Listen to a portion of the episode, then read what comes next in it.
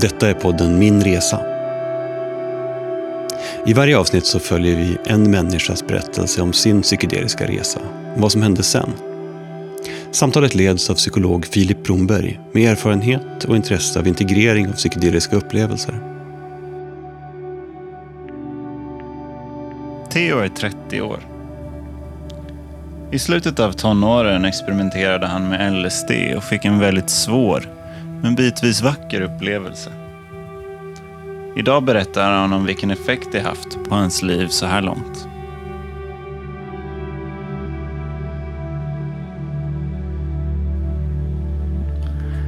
Välkommen Theo. Tackar, tackar. Du är här för att, att, berätta om en upplevelse som hände för ganska länge sedan och som lämnade ett väldigt starkt intryck på dig. Ja, det stämmer bra det. Hur eh, gammal är du idag? Jag är 30 år gammal. Och hur gammal var du när den här upplevelsen inträffade? Eh, jag har förut sagt 19, men jag måste nog ändra det. Jag var nog 18. För det var sista året på gymnasiet som det hände. Så 18 år gammal, precis i slutet av gymnasiet. Vill du berätta lite om dig själv vid den här, vid den här tiden? Uh, jag var väl en ganska lös ungdom. Som, som många i sena tonåren kanske lite osäker, men det tyckte jag väl inte då. Uh, ganska vild, var ute mycket med kompisar och uh, var uh, punkare kan man säga. Hade liksom skinnväst med nitar och hög tuppkam. Och jag älskade att gå ut och gå på spelningar och dricka sprit, naturligtvis. Men jag var också väldigt intresserad av eh, droger i allmänhet och den psykedeliska världen i synnerhet. Um, och jag tyckte i förväg, innan den här upplevelsen, att jag hade läst väldigt mycket om, uh, om, om psykedelika, hur det ter sig och och hur det är. Liksom. Uh, och så jag tyckte att jag hade en väldigt bra bild av hur det skulle vara, men det skulle visa sig vara en, en felaktig uppfattning. Vad var din intention med, med att göra den här upplevelsen? Det var framförallt utforskande. Jag ville veta vad, liksom, jag ville uppleva själv um, hur det kändes. Eh, och hur det var. Det ska sägas att jag hade provat LSD en gång tidigare, men det hade blivit en väldigt liten dos. Så jag tyckte inte vid det tillfället att jag hade fått en uppfattning om hur det var, liksom att trippa på riktigt. Um, så att den här gången skulle det bli av, tyckte jag. Hade du någon plan kring hur du ville göra det eller med vem eller så? Nej, det hade jag inte. Utan eh, det kom sig så att jag hade ett par lappar LSD hemma vid ett tillfälle. Och eh, det var sportlov, mina föräldrar var bortresta. Eh, och så satt jag där en kväll hemma själv och tänkte att fan, idag blir det bra. Eh, så jag ringde en kompis, eh, en väldigt nära vän. Eh, Albert heter han, är fortfarande väldigt god vän och sa att Hörru du Albert, ska vi inte ta LSD ikväll? Och då sa han, jo, fan det gör vi. så kom han över ungefär vid nio tiden på kvällen en eh, tisdag i februari. Hade han någon tidigare erfarenhet? Nej, ingen alls. Alltså vi hade båda provat gräs tidigare. Så det var hemma hos dig? Ja, det stämmer. Hemma hos mig. Klockan, som sagt, nio på kvällen i mitt uh, ja, pojkrum där hemma hos mamma och pappa. Satt vi framför datorn uh, och värmde upp med att typ kolla på YouTube och lyssna på Spångel. Gjorde ni någon uh, förberedelse för hur, hur det, vad ni skulle göra eller så? Nej, det, vi hade ju liksom ingen förberedelse alls. Det var helt spontant där. Han kom över och så berättade jag typ ungefär det som jag visste att så här kommer det vara. Liksom. Det kommer vara ungefär 12 timmar och ja, vad, mer, vad det nu mer var jag tyckte att jag visste. Liksom. Eh, då sa han ja, för att det här kommer bli ascoolt och så slängde vi oss varsin lapp och började vänta. Liksom. Satt där framför datorn, kollade på YouTube eh, till en början och efter ett tag så började man ju märka någonting. Liksom. Det började pirra lite i, i bakhuvudet. Typ. Um, och Albert tyckte också att han, att han såg um, uh, gardinerna röra på sig lite grann. Och, och, och jag tror att han, jag får med att han sa också plötsligt att åh, oh, shit, såg du? att, att datorn hade liksom flärpat iväg någonting på något sätt. Men jag, kände in, jag såg inte så mycket. Såg inte att uh, gardinerna rörde på sig speciellt mycket. Jag hade inte sett det här, någon plötslig rörelse från datorn heller. Um, så jag var till en början lite besviken. Så när Albert eh, vid något tillfälle gick iväg för att slå en drill så tänkte jag fan, jag ska ändå åka ikväll. Liksom. Så då öppnade jag min lilla stash och plockade i mig en lapp till. Eh, så när Albert kom tillbaka från toaletten så berättade jag att Albert, eh, jag tog en till. Han tittade på mig som att han han hade liksom precis fattat vad det var jag hade gjort. Um, men så bara kramade han om mig och sa Theo, jag älskar dig. Uh, för att det var ju liksom ingenting han kunde göra så att säga. Uh, så då bar det iväg helt enkelt. Och därefter så började det komma igång rätt rejält. Uh, vi, till en början så, så här, tittade vi på mönstren som dök upp på väggen och Albert konstaterade att om han liksom tog sitt finger och satte det på, på fraktalerna som dök upp på väggen och så här puttade till dem, så började de så flyta runt i den riktningen som han gjorde det. Det tyckte vi båda var väldigt fascinerande. Um, och vi gick runt i lägenheten och utforskade de olika, de olika rummen där. Och det, varje rum hade som ett eget tema. Liksom, där ja, jag vet inte hur jag ska beskriva det, men, det, men jag fick ju se lägenheten med helt andra ögon. Liksom. Jag hade bott där länge. Eh, 15 år eller något sånt där. Och, och, trots det så var det som att jag såg den här lägenheten för, för första gången. Liksom. Eh, jag minns att vi gick in i vardagsrummet och eh, när det hade börjat bli riktigt mycket liksom, så så rörde sig tavlorna och det var som att det satt lampor inuti dem. Eh, och de, varje del av tavlan rörde sig liksom så att det lös ut igenom dem. Och det var liksom fontäner av laser som syntes genom fönstren utan, eh, syntes genom gardinerna utanför fönstren. Och det var väldigt vackert. Och jag kände under den tiden också en, en väldigt stark eufori. Liksom. Uh, ja, en riktigt överväldigande känsla av hur vackert allting är och hur häftigt allting är och, och sådär. Um, vi gick också tillbaka till rummet och satt där ett tag och lyssnade på, mer på Spångel. Jag minns i, i början av A New Way to Say Hooray när det kom ett bi så, så var det som att, som att jag var tvungen att ducka för att det liksom kom en rörelse genom rummet. Um, under den här tiden, medan, medan trippen fortfarande blev starkare, så, uh, så kom det också då och då ursäkta, små, små känslor av obehag. Liksom. De var väldigt korta, men det var en, som en liten blink som fick mig att stanna upp och liksom, ja vad ska man säga, fråga, vet jag det här? Vet jag vad det är som pågår? Först, liksom, allting kändes väldigt overkligt för en väldigt kort sekund under de här uh, momenten. Uh, men de var ganska kortvariga uh, till en början. Ungefär någon gång vid midnatt uh, så tyckte Albert att fan, det vore så jävla nice med sura godisar. och det tyckte jag också. Ja, fett nice surgodis. Tyvärr har jag inget. Men eh, det var ju mitt i stan. Så trots att klockan var 12 så tänkte vi att ja, men det kan vi nog ordna. Eh, så vi gick iväg eh, det var ungefär 500 meter tror jag till en 7-Eleven. Vi hittade dit utan problem, det var en ganska rak väg och på vägen dit så tittade vi på alla hus runt omkring oss som verkade, verkade liksom gjorda av stommar av laser, basically.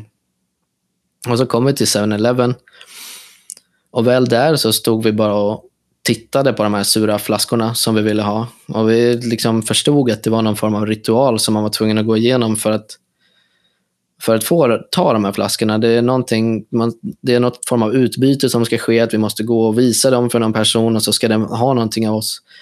Så mycket fattade vi, men, men riktigt hur det skulle gå till fattade vi inte alls. Uh, så att vi bara stod och garvade åt de där flaskorna. Uh, de sura nappar eller flaskor eller vad fan det var. Eh, och gick därifrån. Eh, och på vägen ut från 7-Eleven så kände jag ändå så här, fan det här är så jävla kul och jag, är så, jag kände då också att jag är väldigt trippad, det kände jag tydligt. Och så här, men jag hade under, under kontroll, men jag visste det på något sätt. Och sen när vi var på vägen hem så kom en av de här eh, starka overklighetskänslorna igen. Som hela världen plötsligt vreds till ett kvarts varv och sen släpptes tillbaka. Och jag började undra, vad fan, vad fan är det som händer? Um, för plötsligt kändes allting väldigt, väldigt overkligt. Alltså inte bara trippen var overklig, utan att hela, hela mitt liv och allting som jag känner liksom är overkligt på något sätt. Så jag berättade för Albert att, um, att jag hade en konstig overklighetskänsla. Han såg lite orolig ut och frågade mig, är det, är det obehagligt? Sen? Och jag sa, ja, det är obehagligt. Och jag märkte redan då att det stressade honom lite grann. Så vi skyndade hem. Och jag lyckade, vi, lyckades, ja, vi lyckades ta oss hem.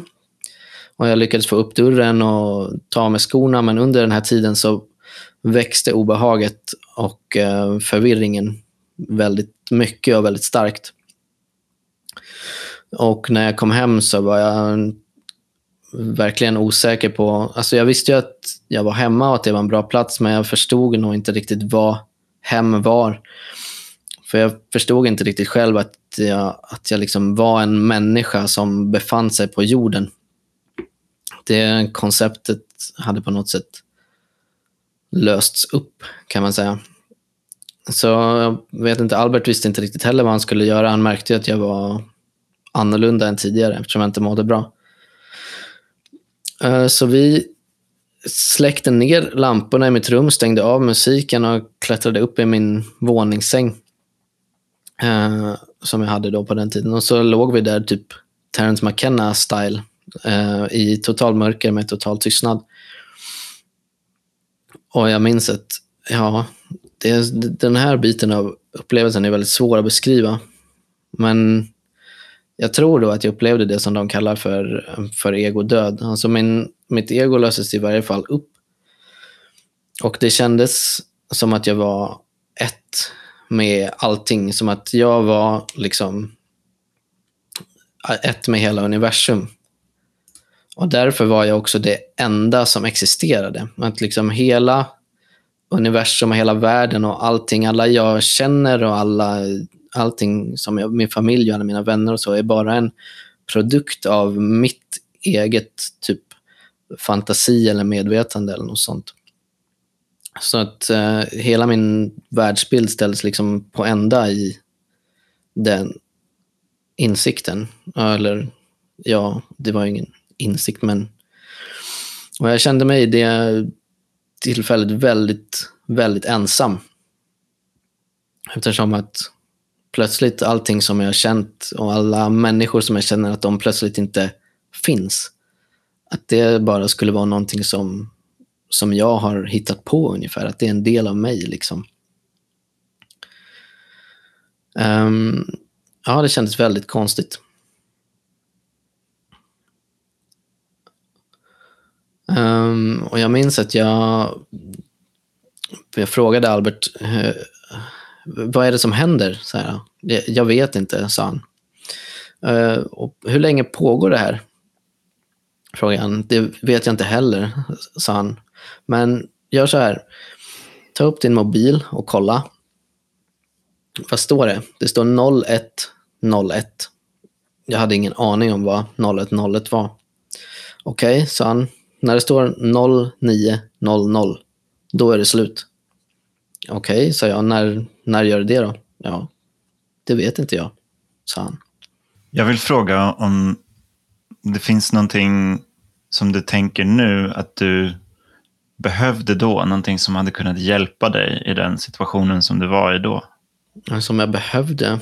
Alltså, det som, det, det som i slutändan verkligen hjälpte mig var att vi, vi faktiskt ringde till folk som, som, inte, eh, som inte trippade, som var nyktra. Och det hade säkert hjälpt att ha en person där som grundade. Eh, för det var ändå så det löste sig till slutändan. Att vi, dels ringde Albert sin flickvän. Hon, hon gav sig iväg till oss mitt i natten. Eh, och, men innan hon kom så lyckades vi nå också en annan kompis som liksom pratade väldigt lugnt med mig. och så här, uh, Han hade också några kompisar i bakgrunden. Han frågade så här, vad har du tagit? Typ, och jag sa ah, en LSD-blotter, eller två LSD-blotter med det och det printet. Så här, och då hörde jag att de började snacka i bakgrunden. Så här, ah, mikrogram, bla, bla, bla, bla, bla. Så då fick jag redan där en så känsla av att de, att de visste vad de snackade om i alla fall. Och sen sa han typ så här, okej, okay, gå till datorn, gå fram till YouTube, sätt på Shine On You Crazy Diamond med Pink Floyd och bara, bara lyssna på låten. Och han hade en väldigt lugn stämma och liksom hela den grejen lugnade mig. Sen lyssnade jag på låten också, men jag tror att det framförallt var hans, liksom, hans lugna och nyktra inställning som, som hjälpte mig. Så i det läget hade det säkert varit bra att ha en, en grundande person där. Liksom. Um, ja, därefter så, så mådde jag bättre igen. Vi började komma ner. Och, eh, och det var en fantastisk afterglow. Alltså verkligen, verkligen jättevisuell med hur mycket färger och mönster som helst. Den varade länge. Eh, som sagt, Alberts flickvän dök upp någon gång vid kanske fyra tiden på morgonen, jag vet inte. Och eh, de lyckades tillsammans somna typ någon gång vid nio tiden. Men jag satt fortfarande uppe. Jag, hade, jag satte på någon, någon film typ på datorn men jag kunde inte koncentrera mig på filmen alls utan det var fortfarande massa grejer som pågick i synfältet. Och kunde inte sova ordentligt förrän, förrän samma kväll. Då. Hur var det med de här overklighetskänslorna under morgonen och, och dagen som kom? Ja, de... Um, under dagen så tyckte jag ändå att jag hade här, lämnat det bakom mig. Liksom. Eh, och eh, när jag sen skulle sova på kvällen, jag hade nog svårt att somna.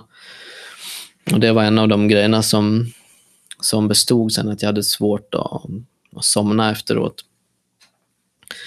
Men det tog ett tag innan, innan de här verklighetskänslorna återkom. Hur länge overklighetskänslorna återkom, hur länge vet jag inte exakt.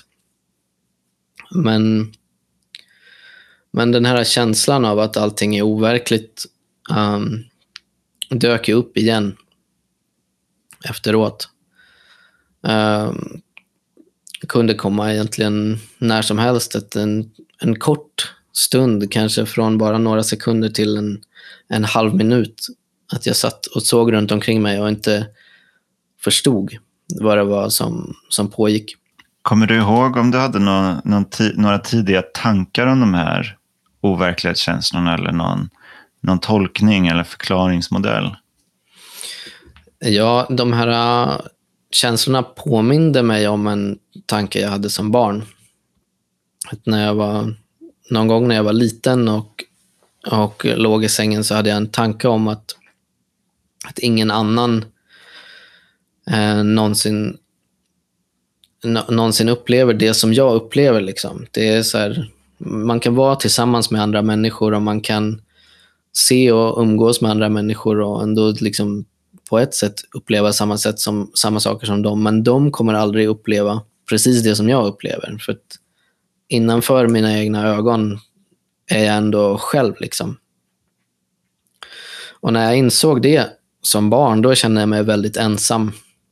Och den ensamheten liknade väldigt mycket den ensamheten som jag kände då under, under LSD-trippen. När det kändes som att hela min verklighet bara var någonting som, som jag hade hittat på. Liksom.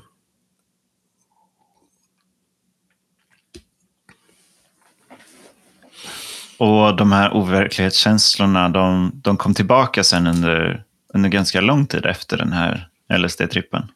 Ja, det var ungefär ett, ett år efter trippen som jag, alltså, framförallt första halvåret, som jag kunde få dem. Att jag kunde sitta framför datorn eller vid middagsbord med min familj och plötsligt titta runt mig och inte riktigt förstå, vänta, var är jag? Vem är de här människorna?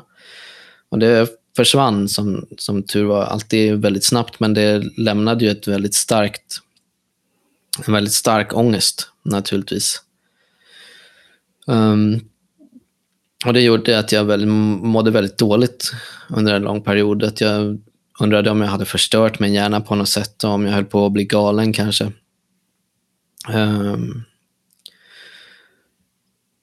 och ja, det jag märkte att de här äh, känslorna framför allt kom liksom om jag hade sovit dåligt eller om jag var bakis. Sådär, så att jag avstod från att dricka alkohol. Jag slutade även röka gräs då och eh, såg till att jag åt bra och sov bra. Jag såg till att liksom ta hand om mig själv och inte stressa för mycket och undvika den typen av orosmoment generellt.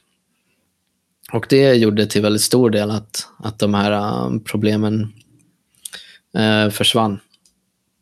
Men det dröjde länge och det var en lång kamp Kan du se, nu när du, när du ser tillbaka på den här tiden, kan du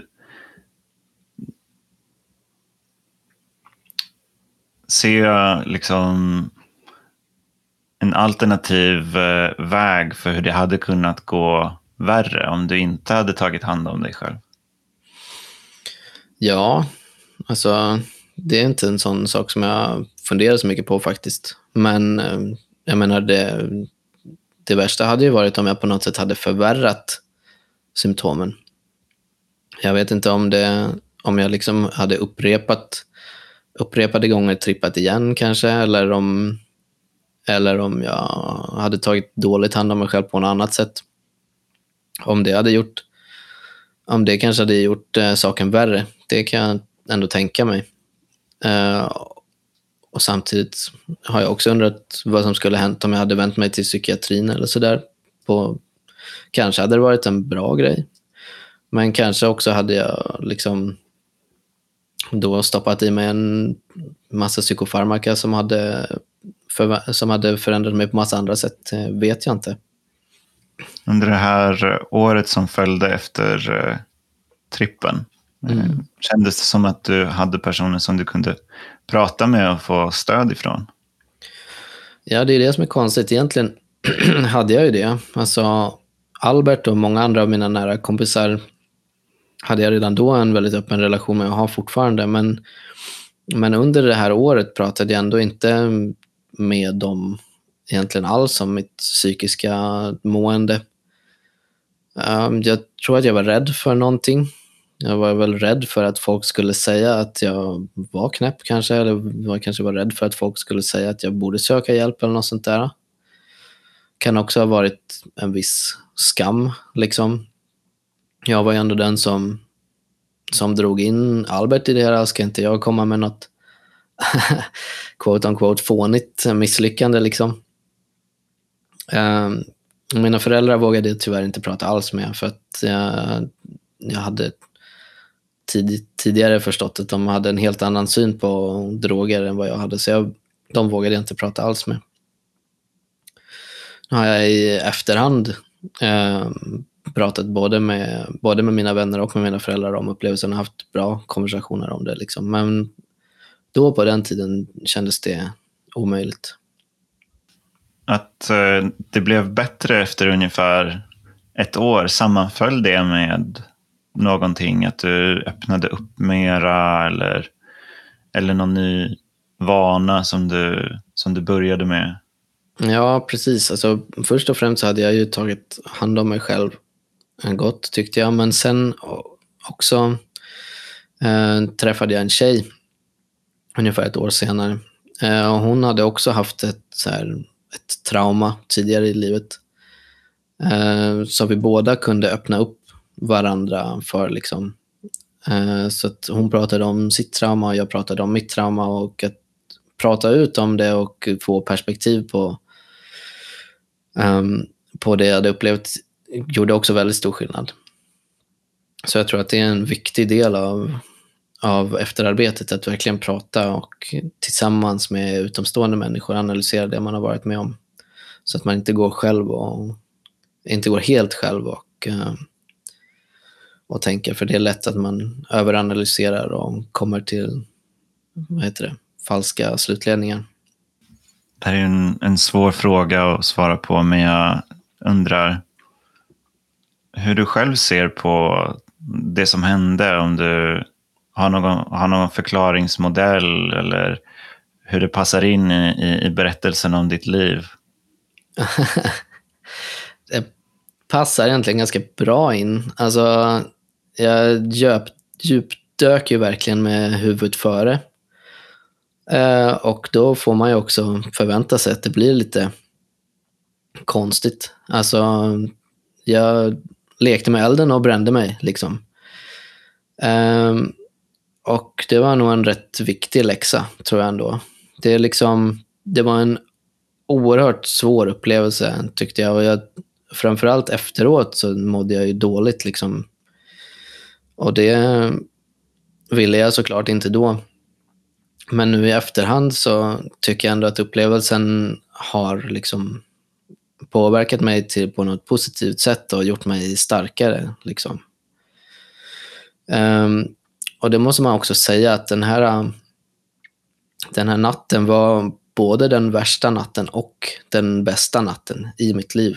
Jag menar, jag är 30 år nu, det är ganska många nätter och den natten plockar ändå hem båda, båda vinst, vinsterna. Liksom. Det tycker jag säger en hel del om hur otroligt kraftfulla sådana här äh, upplevelser kan vara. Och just på grund av det, liksom, om jag hade varit där igen och haft möjlighet att återuppleva den här natten, då hade jag gjort exakt samma sak en gång till. Vad upplever du att du fick med dig från den här, från den här upplevelsen? Ja, det jag framförallt fick med mig i alla fall till en början tyckte jag var en helt annan syn på, på livet och på, på döden. Jag vet inte. Alltså jag, en väldigt ändrad verklighetsuppfattning i alla fall och ett helt annat perspektiv.